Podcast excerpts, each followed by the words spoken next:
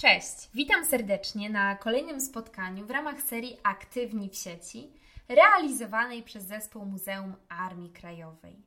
1 sierpnia 1944 roku o godzinie 17, nazywanej godziną W, rozpoczęło się powstanie warszawskie.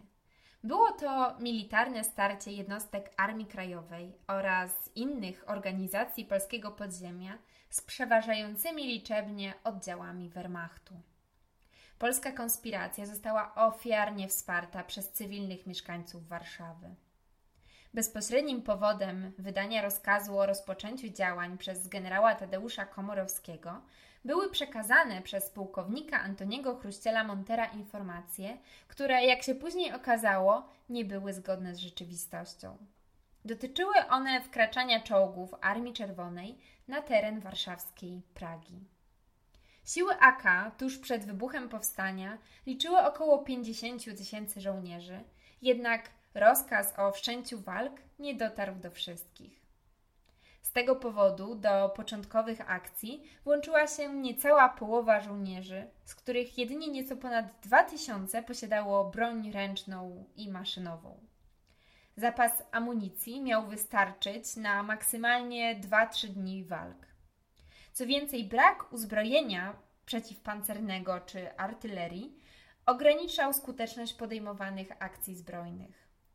Niemcy nie byli wcale zaskoczeni wybuchem powstania, gdyż byli bardzo dobrze poinformowani o planach Polaków przez swoich konfidentów. Dodatkowo walki wybuchły w wielu miejscach przed umówioną godziną 17, co znacznie pogorszyło sytuację Polaków. W powstańczych zmaganiach oddziały AK wspierali bojownicy Narodowych Sił Zbrojnych Armii Ludowej, Polskiej Armii Ludowej oraz dziesiątki tysięcy mieszkańców stolicy. Na rzecz powstania działały m.in. służby ratownicze, medyczne, przeciwpożarowe, kuchnie i stołówki, konspiracyjne wytwórnie broni i sprzętu wojskowego, elektrownie, system ujęć wody czy też warsztaty samochodowe. Uzupełnianie uzbrojenia odbywało się w dużej mierze w wyniku zrzutów lotniczych dokonywanych od 4 sierpnia przez siły lotnicze zachodnich aliantów przy ofiarnym udziale polskich pilotów. Niestety w ręce Niemców dostało się aż 150 ton z ogółu 239 ton zaopatrzenia, jakie zostało zrzucone nad walczącą Warszawą i jej okolicami. Przyczynami tak niepomyślnego obrotu sprawy było wstrzymanie się Brytyjczyków od udzielenia pomocy drogą powietrzną przez pierwsze trzy dni powstania, kiedy to w rękach Polaków pozostawało 9 km kwadratowych centralnego obszaru stolicy. Ponadto loty wydłużały się do całonocnych wypraw ze względu na brak zgody na międzylądowania na sowieckich lotniskach, co również ujemnie wpłynęło na efektywność tego przedsięwzięcia. Dużym niebezpieczeństwem dla alianckich maszyn spieszących na pomoc Warszawie była niemiecka bateria licząca około 45 dział przeciwlotniczych zainstalowana w pobliżu miasta. W pewnym stopniu uzupełnieniem dla powstańczego arsenału była produkcja własna, realizowana najczęściej przez małe warsztaty. W takich warunkach udawało się produkować m.in. miotacze ognia, wyrzutnie dla butelek zapalających czy pistolety. W ramach tej działalności sukcesem zakończyła się również próba stworzenia prowizorycznego wozu pancernego, który został nazwany przez powstańców kubusiem. Powstańcy do swoich działań wykorzystywali również przede wszystkim broń ręczną zdobytą na nieprzyjacielu, a także amunicję, granaty oraz sprzęt wojskowy. Zdołano nawet wykorzystać w walce kilka niemieckich wozów bojowych, natomiast z dwóch zdobycznych czołgów Pantera utworzono pluton pancerny, który stanowił przez kilka dni operacyjne wsparcie dla powstańców. 1 sierpnia w Warszawie stacjonował niemiecki garnizon w sile co najmniej 16 tysięcy żołnierzy, dowodzony przez generała Rainera Stachela. Trzy dni później do miasta na osobisty rozkaz Heinricha Himmlera przybyły pierwsze oddziały SS i policji, które wsparte wydzielonymi jednostkami Wehrmachtu utworzyły 22-tysięczny korpus, nad którym dowództwo od 6 sierpnia objął generał SS Erich von den Bach-Zelewski. Przez cały okres powstania kierowano do walki regularne oddziały armii niemieckiej. Siła militarna strony niemieckiej, użyta w trakcie zmagań, mogła sięgnąć nawet 50 tysięcy ludzi. Wsparciem dla zwalczania powstania okazały się również formacje złożone z kolaborantów, jak też zwykłych przestępców, które bardzo często angażowały się w bestialskie akcje przeciwko bezbrodnej ludności cywilnej. Przykładem w tym zakresie może być dowodzony przez generała Mieczysława Kamińskiego półgrona rosyjskiej wyzwoleńczej armii ludowej.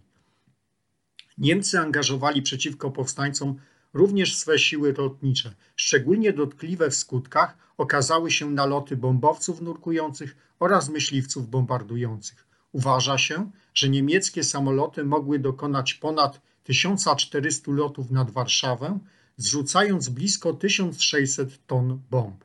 Ponadto ogromną przewagę dawało siłom okupanta użycie broni pancernej, miotaczy ognia, szeregu egzemplarzy broni specjalnie wyprodukowanej z myślą o zadawaniu na ogromną skalę zniszczeń w przestrzeni miejskiej. Przez stronę niemiecką użyta została również broń pancerna i artyleria, w tym działa szturmowe. Przeciwko miastu użyto ponadto wyrzutni miotających, przy pomocy których dokonywano bombardowań pociskami zapalającymi lub burzącymi oraz dwóch 380 mm moździerzy rakietowych zainstalowanych na podwoziu czołgu Tygrys. Rozpoczęte 1 sierpnia działania oddziałów Armii Krajowej, wymierzone w stronę strategicznych placówek obsadzonych przez Niemców, nie posiadały niestety elementu zaskoczenia. Było tak z uwagi na zarządzony przez generała Sztaela pół godziny wcześniej alarm w warszawskim garnizonie. Zamiary powstańców na długo przed godziną W zdradził wybuch walk m.in. na warszawskiej Ochocie czy na Żoliborzu. Pomimo tego przez pierwsze cztery dni powstania inicjatywa leżała po stronie polskich żołnierzy. W tym czasie udało się opanować większość obszaru śródmieścia z Powiślem, Starego Miasta i Woli. Do walk powstańcze siły przystąpiły również na Żoliborzu, Mokotowie oraz na Ochocie. Natomiast na Pradze, po początkowych sukcesach, po zdobyciu nawet sporej ilości broni i amunicji, w obliczu przewagi sił wroga zaprzestano prowadzenia działań, a znajdujące się tam powstańcze jednostki przeszły do konspiracji. 4 sierpnia pułkownik Chruściel, dowódca powstania, zmienił taktykę walk. Powstańcy otrzymali rozkaz zaprzestania działań o charakterze zaczepnym i przejścia do obrony opanowanych obiektów. Już kolejnego dnia wzmocnione siły niemieckie przeszły do działań ofensywnych, a przeprowadzane przez nich natarcia skierowane były na powstańcze zgrupowania na Woli i Ochocie. W szybkim tempie Niemcom udało się opanować Wolę, gdzie ludność cywilna doświadczyła licznych bestialskich działań z ich strony. 6 września powstańcy walczący w rejonie Starego Miasta zostali odcięci od pozostałych sił powstańczych operujących w śródmieściu. Na przełomie pierwszego i drugiego tygodnia walk łupem Niemców padła Ochota, a Niemcy również tutaj, tak jak na Woli, dokonali serii mordów na tysiącach mieszkańców. 19 sierpnia siły pacyfikujące powstanie rozpoczęły zmasowany atak na Stare Miasto. W jego wyniku wywiązała się zaciekła walka, która trwała trzy tygodnie. Podjęte przez Polaków w dniach 20-22 sierpnia próby połączenia sił walczących na Starym Mieście i Żoliborzu zakończyły się fiaskiem. Żadnych sukcesów w tym okresie nie przyniosły również próby przebicia sił powstańczych ze Starówki do Śródmieścia. Szczęśliwie ten zamiar wykonała tylko jedna kompania. Od 31 sierpnia skuteczną drogą ewakuacji ze Starówki były kanały burzowe.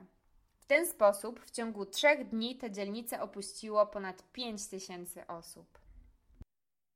W Śródmieściu 11 sierpnia powstańcy opanowali pałac Staszica. 20 sierpnia gmach Pasty, czyli Polskiej Akcyjnej Spółki Telefonicznej. Trzy dni później siedzibę Komendy Policji na krakowskim przedmieściu. Pomimo podjętego z 26 na 27 sierpnia ataku na pozycje niemieckie, nie udało się połączyć sił powstańczych walczących na Mokotowie i Powiślu Czerniakowskim. Z kolei 2 września Niemcy opanowali Sadybę, a cztery dni później Polacy zostali zmuszeni wycofać się z Powiśla. 11 września Niemcy uderzyli na Czerniaków, na terenie którego opór Polaków trwał do 23 września. Dzień później zaatakowane zostały polskie pozycje na Mokotowie, gdzie po zaciętych walkach Część polskiej załogi ewakuowała się kanałami do śródmieścia, a reszta skapitulowała 27 września. Od 29 września przez dwa dni trwały jeszcze zmagania na Żoliborzu, a na przełomie września i października Polacy stawiali zbrojny opór jedynie w Śródmieściu. 2 października podpisany został akt kapitulacji. Po 63 dniach walki powstanie upadło. Słowem podsumowania należy zauważyć, że warszawski zryw został okupiony wysoką ceną. W trakcie walk poległo lub zaginęło co najmniej 18 tysięcy powstańców. 25 tysięcy z nich mogło zostać rannych, a blisko 16 tysięcy trafiło do niewoli. Różne są natomiast szacunki ofiar wśród ludności cywilnej. Przyjmuje się liczbę około 100 tysięcy ofiar, chociaż niekiedy mówi się o znacznie większej liczbie. Kolejnych 550 tysięcy mieszkańców lewobrzeżnej części Warszawy zostało wypędzonych, a część spośród nich trafiła do obozów koncentracyjnych. Niemcy dokonali na olbrzymią skalę grabieży, a do wywozu skradzionego majątku musieli wykorzystać blisko 45 tysięcy wagonów kolejowych. Z ogólnej liczby niemal tysiąca zabytkowych budynków Warszawy całkowitemu zniszczeniu uległo ponad 80% z nich. W trakcie powstania degradacji uległo ponad 30% zabudowy lewobrzeżnej części miasta, a co najmniej tyle samo zamieniono w gruzy już po zakończeniu walk. Powstanie było kulminacyjnym momentem walk sił Armii Krajowej o niepodległość Rzeczpospolitej, stając się zarazem największą bitwą stoczoną z jej udziałem. Podjęcie tego, jak się ostatecznie okazało, karkołomnego boju było pokłosiem woli i prawa Polaków do samostanowienia o losie swego państwa i narodu. Dziękujemy za uwagę i do ponownego usłyszenia.